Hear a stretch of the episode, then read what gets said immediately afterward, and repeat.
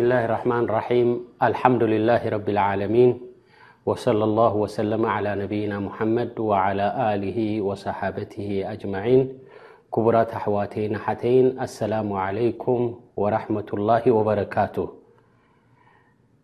كمቲ بتخታታل نوስد ዘلና ኣستمهሮ ካብ كتب الأسول الثلاثة ሎم እቲ ቀንዲ ኣርእስቲ ናይቲ ክታብቲ ሕጂ ክንጅምሮ ኢና ማለት እዩ። ኣብቲ ዝሓለፈ ልዕሊ ሸውዓተ ወይ ሸሞንተ ዝኸውን ኣርኢ ማለት ተኸታታሊ ወሲድና ማለት እዩ። ንሱ ነዚ ሕጂ ንዛረበሉ ንዕኡ ከም መቕድም ዓይነት እዩ ነይሩ ማለት እዩ። ኣገዳሲ ዝኾነ ኣርባዕተ ነገራት ዝኾነ ኣስላማይን ኣስላመይትን ክፈልጥዎን ዘለዎን ተባሂሉ ርኢናየን። ብድሕሪኡን ሰለስተ እውን ኣገደስቲ መሰረታዊ ዝኾና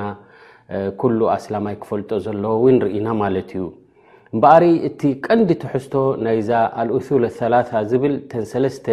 መሰረታት ዝኾና ኣብአን ሕጂ ትንታንታት ካብ ሕጂ ዝመፅ ዘሎ ኣስተምህሮ ናብኡ ገፅና ክንርኢ ኢና ማለት እዩ። እንታይ ይብል እቲ ነዚ ክታብ እዚ ዝኣለፈ ማለት እዩ ፈኢዛ ቂለ ለካ መል ሱል ሰላث ኣለቲ የጅቡ ዓለ ልእንሳን ማዕርፈትሃ እንተ ደኣ ከምዚ ዝብል ሕቶ ተሓቲትካ ኣየኖት እየን እተን ሰለስተ መሰረታት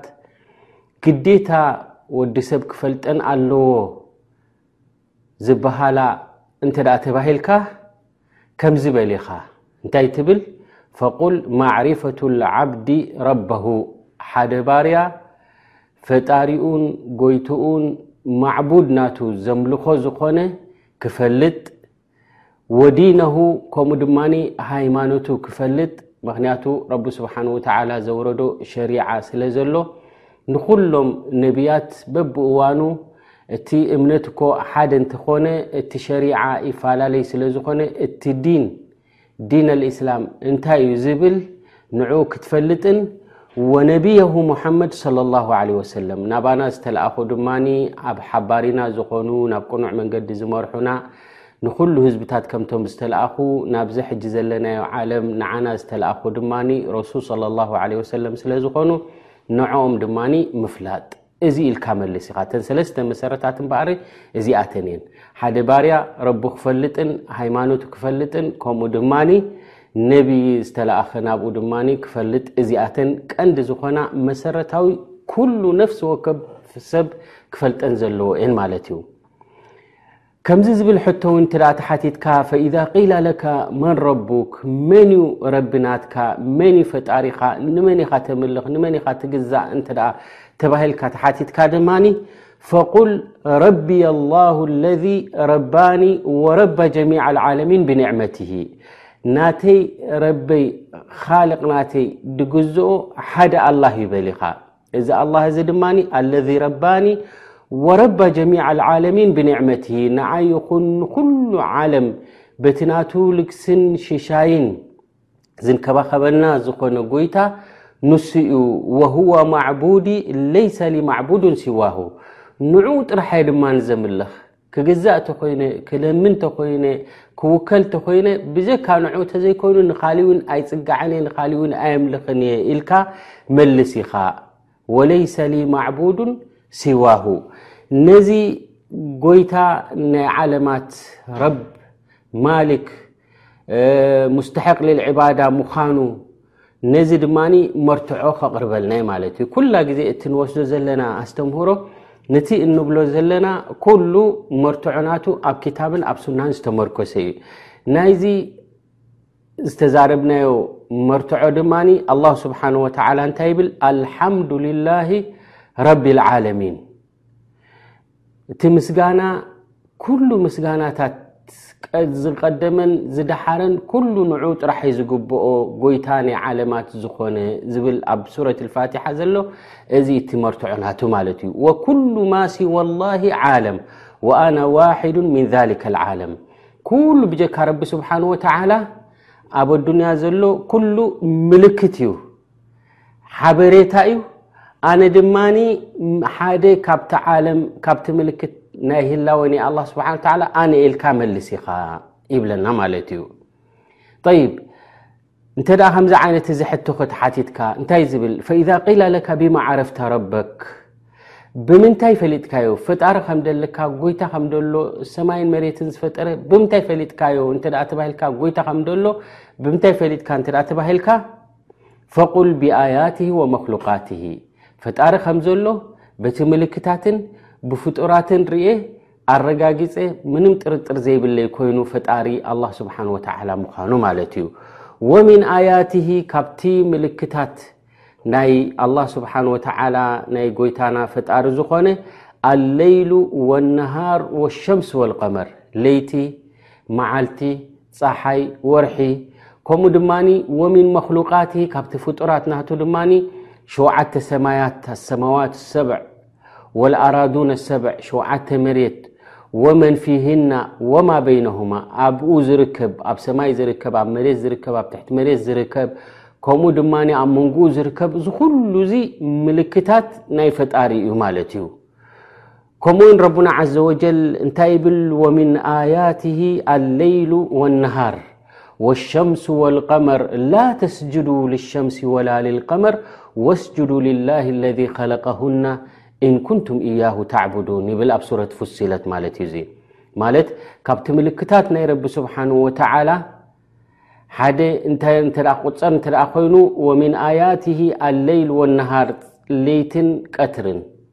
ለይቲ ይመፅእ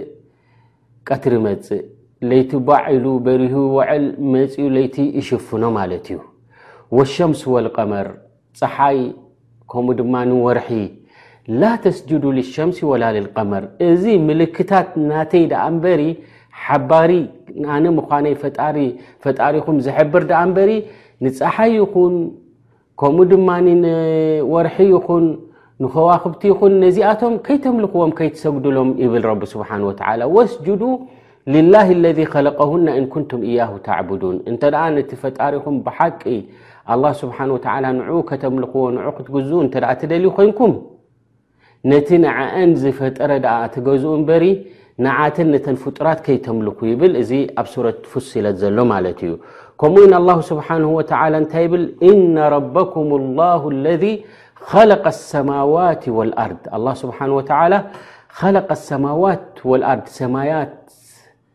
ሸውዓተ ሰማያት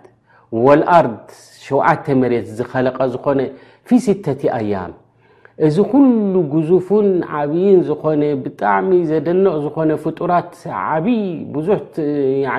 ዝገርምን ዘደንቕን ትሕዝቶ ዘለዎ ድማ ኣብ ሽዱሽተ መዓልቲ ጎይታኹም ኣላ ስብሓን ወተዓላ ኸሊቕዎ ማለት እዩ ኣላህ ስብሓን ወተዓላ ላሕዛ ጠርፈት ዓይን ኩን ምስ በሎ ክኸውን ዝኽእል እዩ እንተኾነ ግን ንዓና ዓብ ኣስተምህሮ ኩሉ ነገር ደረጃ ብደረጃ ክኸይድ ከም ዘለዎ ክንመሃርን ረቢ ስብሓን ወተዓላ ኣብ ሽዱሽተ መዓልቲ ኸሊቕዎ ማለት እዩ ثመ ስተዋ ዓለ ልዓርሽ ዩغሽ ለይላ ኣነሃር የጥሉቡ ሓሲታ ኣላ ስብሓን ወተዓላ ሰማያትን መሬትን ኸሊቑ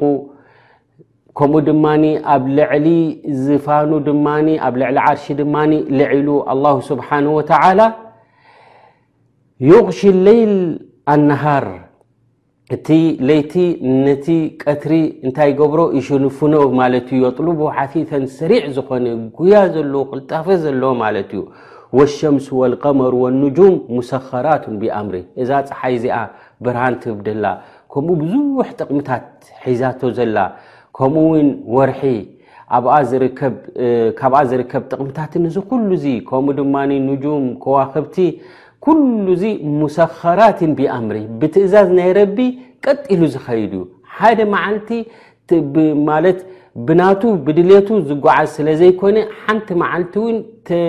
ማለት ካብ መስመሩ ወፅኡ ዘይፈልጥ ቀጥ ኢሉ ደቂቃ ይኹን ሰከንድ ይኹን ከይገድህጎየን ከይቀልጠፈን ብመስርዕ ሒዙ ነንሕድሕዱ ዘይጋጮ ብመስርዕ ዝኸይድ ዘሎ እዚ ተስኺር ናይ መን ዩ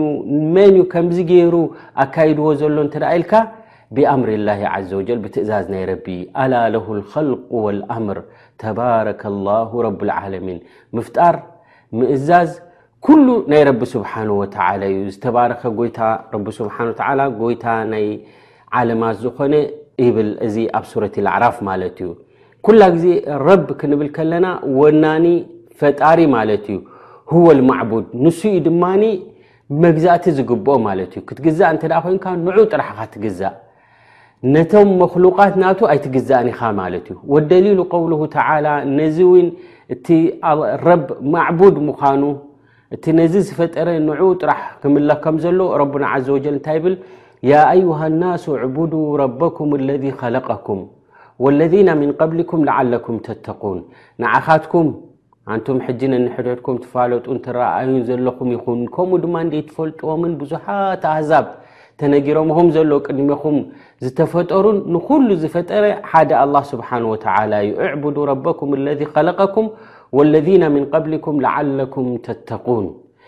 እዚ ክትርኢ ከለኻ እዚ ፍጡራት እዚ እዚ ኣኽባር እዚ እዚ ኩሉ እዚ ክትርኢ ከለኻ ናብ ምንታይ ይዕድመካ ማለት እዩ ናብ ፍርሒ ረቢ ማለት እዩ ኣለذ ጀዓለ ለኩም ልኣርዳ ፊራሻ ረቢ ስብሓን ወተዓላ ኣፈጣጥራ ናቱ ብጣዕሚ ዝገርም እዩ መሬት ከም ፍርናሽ ገይርዋ ጥጥሕቲ ገይርዋ ደቂ ሰባት ከም ድላዮም ድጓዓዙላ ተደልዮም ይሓርሱላ ይበልዑላ ካብኣ ማለት እዩ ተደልዮም ኣብ ርእሲኣ ኮይኖም በብዓይነቱ ዝውጥሑን ፍጡራትን ባዕላቶም ዝሰርሕዎምን ረቢ ስብሓን ተላ ዝኸለቀሎምን ሒዞም ዝጓዓዝሉ ጥጡሕ ዝኾነ መሬት ፈጢሩልኩም ወሰማኣ ቢናኣ ሰማይ ድማ ኣብ ልዕሊኹም ተሃኒፁ እዚ ተሃኒፁ ዘሎ ብ ልዕሊኹም ድማ ሓደ መዓልቲ ዘይጎርፍ ሓደ መዓልቲ ዘይሽረፍ ዝኾነ ኩላ ግዜ ቀጢሉ ዘሎ ከምኡ ድማ እዚ ሰማይ እዚ ብዙሕ ነገራት ሒዙ ዘሎ ወኣንዘላ ሚነ ሰማኢ ማኣን ካብ ሰማይ ድማ ማይ ኣውሪድልኩም እዚ ማይ እዚ ምስ ወረደ ድማ ብዙሕ ጥቕምታት ትጥቀምሉ ፈኣክረጃ ብ ምና ተመራት ርዝቀ ኣለኩም እሞ ሓደ ዓይነት ማይ ሓደ ዓይነት ጣዕሚ ሓደ ኩነት ዘሎ ወሪዱ ኣብ መሬት ምስ ዓረበ ድማ ኣብ መሬት ምስ ኣተወ ድማ በብ ዝተፈላለዩ ሓደ ሽኮራዊ ዝኾነ እቲ ሓደ ምፅፅ ዝበለ እቲ ሓደ ምቁር እቲ ሓደ ክስታይ ብብዓይነቱ ፍረታት ዝኸለቐልኩም ዝኾነ ጎይታኹም ፈላ ተጃዓሉ ልላሂ ኣንዳዳ እዚ ኩሉ እዚ ዝገብር ሓደ ንብሕቱ ስለ ዝኾነ ካሊእ ኣይትፀንብርሉ ካሊእ ኣይትሓውስሉ ኢኹም ንበይኑ እዩ ዝፈጥር ዘሎ ንበይኑ ድማ ኣምልኽዎ ኢኹም ወኣንቱም ተዕለሙን ማለት እናፈለጥኩም እዚ ኩሉ እዚ ዝገብር ጎይታ ንበይኑ እናሃለወ ንበይኑ እናኾነ እናፈለጥኩም ኣብ ልዕሊ እዚ ዓይነት እዚ ዝገብር ጎይታ ንዕኡ ድኣ ከተምልኹ ኣለኩም እምበር ናብ ካሊእ ገፅኩም ኣይተምርሑ ወይ ድማ ንካልኦት ኣይትገዝኡ ይብል እዚ ኣብ ሱረት ልበቀራ ማለት እዩ ወልዛሊክ ተፍሲር እብኒ ከር ራሕመቱላ ዓለይሂ ዓጂብ ዘረባ ተዛሪቡ እንታይ ይብል ማለት እዩ ኣልካሊቁ ሃذ ኣሽያ ሁወ ሙስተሕق ልባዳ ነዚ ከምዚ ዝበለ ኣገራሚ ዝኾነ ነገራት ዝፈጥር ዝኾነ ጎይታ ንኡ ኹም ከተምልኽዎ ዘለኩም ን ኹም ክትግዝእዎ ዘለኩም ይብል ማለት እዩ እዘን እንታይ የረዳእና ማለት እዩ ወዲ ሰብ ኩላ ግዜ ነዚ ዓይነት እዚ ፍጡራት ምስ ረኣየ ፈጣሪ ከም ዘሎ ይፈልጥ ማለት እዩ ፈጣሪ ከም ዘሎ ድ ፈጢር ፈሊጥካ ድማ ንብሕቱ ነቲ ፈጣሪ ድኣ ክተምልኽ ኣለካ እምበሪ ካልእ ክትሕውሰሉ የብልካን ማለት እዩ እምበኣር እዚ ኣስተምህሮ እዚ ብጣዕሚ ኣገዳሲ ስለ ዝኾነ እቲ ከምቲ ሕጂ ኣቐድም ኣቢልና ኣብቲ ዝሓለፈ ትሕሶታት ዝረኣናዮ ብዙሕ ነዚ ዝኸውን መቕድማት ድሕሪ ምርኣይና ሕጂ እምበኣሪ ኣብ ትንታነ ናይዘን ጉዳያት እዚኣተን ናይዘን ሰለስተ እዚኣተን ትንታኒኡ ጀሚርናዮ ኣለና ማለት እዩ ንምንታይ እንተ ኢልካ ምክንያቱ ዘን ኣልእሱለ ሰላ ዘን ሰለስተ መሰረታት እዚኣተን መሳኢል ልቀብሪ እየን ኣብ ቀብሪ ምስኣተወ ወዲ ሰብ ዝሕተተለን ዓበይቲ ፈተና እየን ማለት እዩ ምክንያቱ ወዲ ሰብ ምስ ተቀበረ ሰባት ቀቢሮ ሞ ካብኡ ምልስ ምስ በሉ ዘን ሰለስተ እዚኣተን መን ረቡክ ወማዲኑ ኮመነብዩክ ዝበሃላ ንዐን ዝሕተተለን ዓብይ ፈተና እዩ ወልጀዋቡ ዓለይሃ ፊ ሃዚህ ሪሳላ እምበኣረይ እንታይ ኢልካ ኢኻ ክትምልስ ዘለካ በየናይ ኣፍልጦ ኢኻ ክትፈልጥ ዘለካ ኣብዚ ሕጂ ንሪኦ ዘለና ኣስተምህሮ ኣብኡ ብዝያዳ ይትንተነና ኣሎ ማለት እዩ ፈመን ካነ ዓሊመ ብማ ፊ ሃذ ሪሳላ ምን በያን ትልከ ሱል ልዕዛም እዚ ኣብዚ ሕጂ ንወስዶ ዘለና ኣስተምህሮ እዘን ሰለስተ መሰረታት እዚኣተን ብሓቂ ብትንታኒ ገይሩ ብዕሙቕ ዝበለ ፍልጥት እንተ ደኣ ፈሊጥዎ ካነ ሓርየን ኣን የስቡታ ዕንደ ሱኣል ናይ ብሓቂ እሞ ዕሙቕ ዝበለ ፍልጠት ፈሊጡስ ኣብ ተግባር እንተ ዘውዕል እንተ ኮይኑ እዚ ሰብ እዚ ኣብዚ ግዜ እዚ ፈተና ክፍተነሉ ከሎ እዞም መላእካ እዚኣቶም መፅኦም ክሓትዎ ከሉ ንክምልስ ዓብይ ሓጋዝን ደጋፍን እዩ ዝኾኖ ማለት እዩ ፈሊጡ ኣብ ተግባር ስለ ዘውዓለ ማለት እዩ ስለዚ እምበኣረይ ናይ ግድን እዘን ኩነታት እዚኣተን እዘን ሰለስተ መሰረ እዚኣተን ክንፈልጠን ኣለና ማለት እዩ ሊኣናሃ ቁሪነት ብኣዲለትሃ ምክንያቱ ዝያዳ እተን ሰለስተ እዚኣተን እዘን መሰረታት እዚኣተን ብመርትዖታት እንዳተደገፈ ማለት እንዳስፈሐ ዝገልፀን ስለ ዝኾነ እምበኣረይ እዚ ጉዳይ እዚ ከምቲ ኣብ ሓዲስ ሰሒሕ ተጠቂሱ ዘሎ ማለት ሓታታይ ክሓተካ እንከሎ መላእካ መፅኡ ክሓተካ እንከሎ ብፅቡቅ ጌርካ ብቕኑዕ መልሲ ክትምልስ ትኽእል ኢኻ ማለት እዩ ናይ ግድን ከዓ ብኣፍልጦ